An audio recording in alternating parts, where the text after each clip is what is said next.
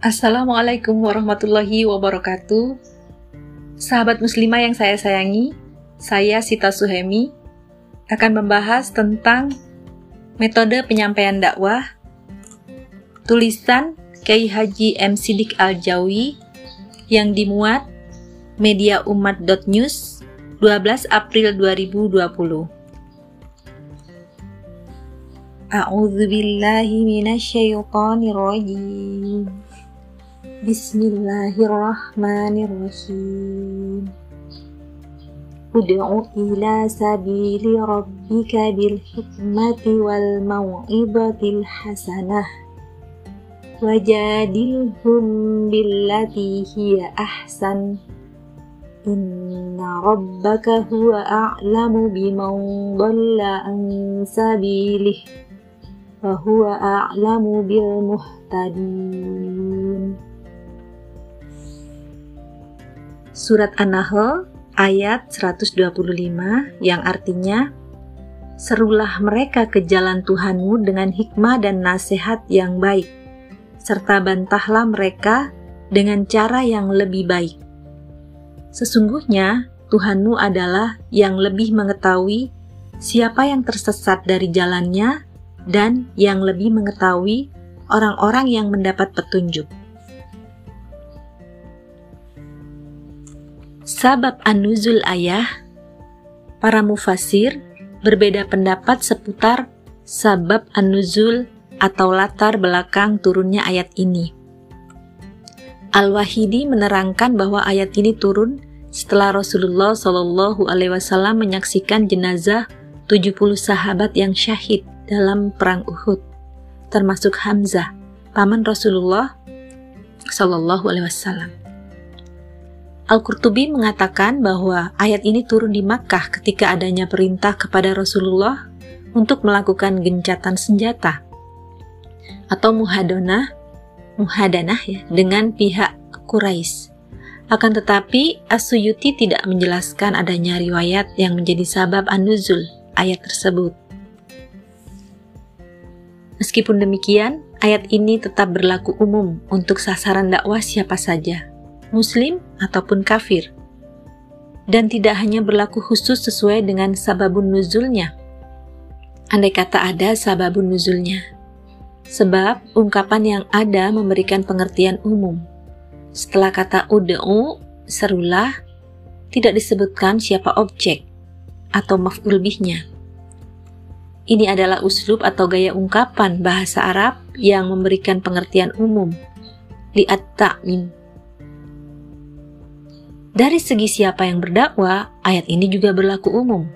Meski ayat ini adalah perintah Allah kepada Rasulullah, perintah ini juga berlaku untuk umat Islam. Makna global ayat Ayat ini menerangkan tiga metode dakwah, yakni cara pengemban dakwah menyerukan Islam kepada manusia. Ada yang berbeda, ada cara yang berbeda untuk sasaran dakwah yang berbeda.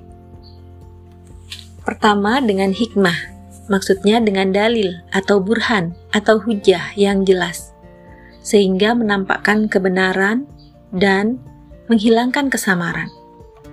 Cara ini tertuju kepada mereka yang ingin mengetahui hakikat kebenaran yang sesungguhnya, yakni mereka yang memiliki kemampuan berpikir yang tinggi atau sempurna seperti para ulama, pemikir, dan cendekiawan. Kedua, dengan mau'ilah hasanah, yaitu peringatan yang baik yang dapat menyentuh akal dan perasaan. Misalnya, dengan menyampaikan aspek targib atau memberi dorongan atau pujian, dan tarhib, memberi peringatan atau celaan. Ketika menyampaikan hujah, Cara ini tertuju kepada masyarakat secara umum. Mereka adalah orang-orang yang taraf berfikirnya di bawah golongan yang diseru dengan hikmah. Namun, masih dapat berpikir dengan baik dan mempunyai fitrah dan kecenderungan yang lurus. Kemudian yang ketiga dengan jadal atau jidal mujadalah billati hiya ahsan, yaitu debat yang paling baik. Dari segi cara penyampaian, perdebatan itu disampaikan dengan cara yang lunak dan lembut, bukan cara yang keras dan kasar.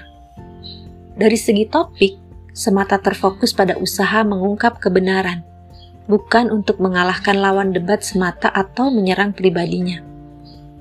Dari segi argumentasi, dijalankan dengan cara menghancurkan kebatilan dan membangun kebenaran.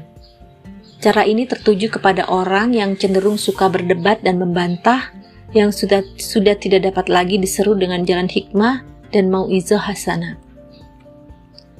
Bagian akhir ayat memberi arti bahwa jika kita telah menyeru manusia dengan tiga jalan tersebut, maka urusan selanjutnya terserah Allah.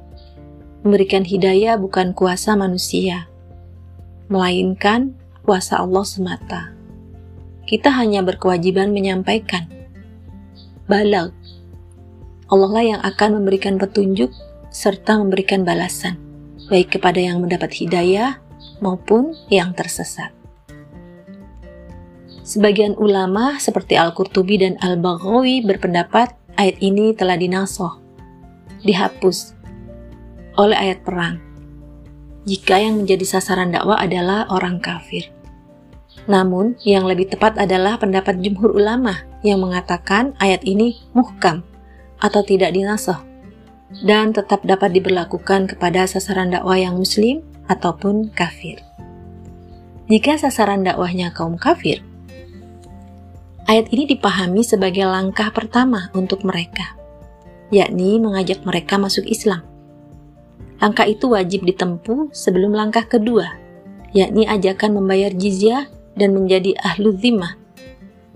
Dan langkah ketiga yakni perang atau al-kitol di jalan Allah.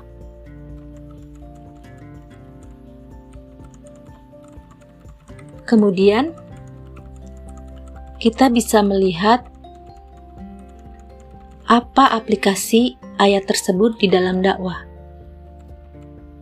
Jika kita hendak menjelaskan wajibnya menegakkan khilafah Islamiyah, misalnya, kita dapat menggunakan cara hikmah jika kita berdakwah kepada ulama, intelektual, pemikir, dan semisalnya dalam forum yang khusus dan terbatas atau bukan forum khusus, forum umum. Hmm, di sana dapat dijelaskan wajibnya khilafah secara detail dan mendalam. Misalnya, dengan menerangkan definisinya, berbagai definisi khilafah dan tarjih atau analisisnya Kemudian kita juga bisa menyampaikan dalil-dalil kewajibannya secara rinci dari ayat Al-Quran, As-Sunnah, Ijma' Sahabat, Kawaid Syariah, termasuk juga wajib istidlal atau cara penyimpulan hukum dari dalilnya sesuai dengan disiplin ilmu usul fikih. Berbagai pendapat ulama salaf dan khalaf seputar wajibnya khilafah, kitab-kitab rujukannya, termasuk bantahan terhadap pendapat yang mengingkari wajibnya khilafah, baik pendapat dari orang terdahulu maupun orang sekarang. Sementara kepada masyarakat awam, dalam forum-forum yang umum dan terbuka, ditempuh cara mau itu hasanah.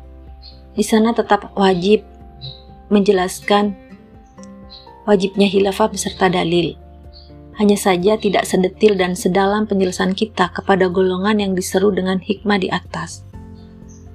Dan disertai dengan targib dan tarhib untuk menyentuh perasaan mereka. Misalnya disampaikan hadis sahih riwayat Imam Muslim bahwa siapa saja yang tidak berbaiat kepada khalifah, dia akan mati jahiliyah. Adapun kepada para penentang khilafah seperti kaum sekuler, dan liberal, maka ditempuh cara jidal billati ahsan, baik dalam forum khusus maupun umum. Kita berbicara secara lunak, tidak kasar, terfokus pada ide, bukan pribadi. Kita menghancurkan argumen-argumen palsu mereka untuk menolak khilafah, yang sesungguhnya adalah ide sekularisme yang kufur. Lalu kita menegakkan hujah-hujah kita atas mereka bahwa kewajiban khilafah adalah sesuatu yang tidak dapat diragukan lagi, kecuali bagi orang-orang kafir atau munafik yang sombong terhadap kebenaran.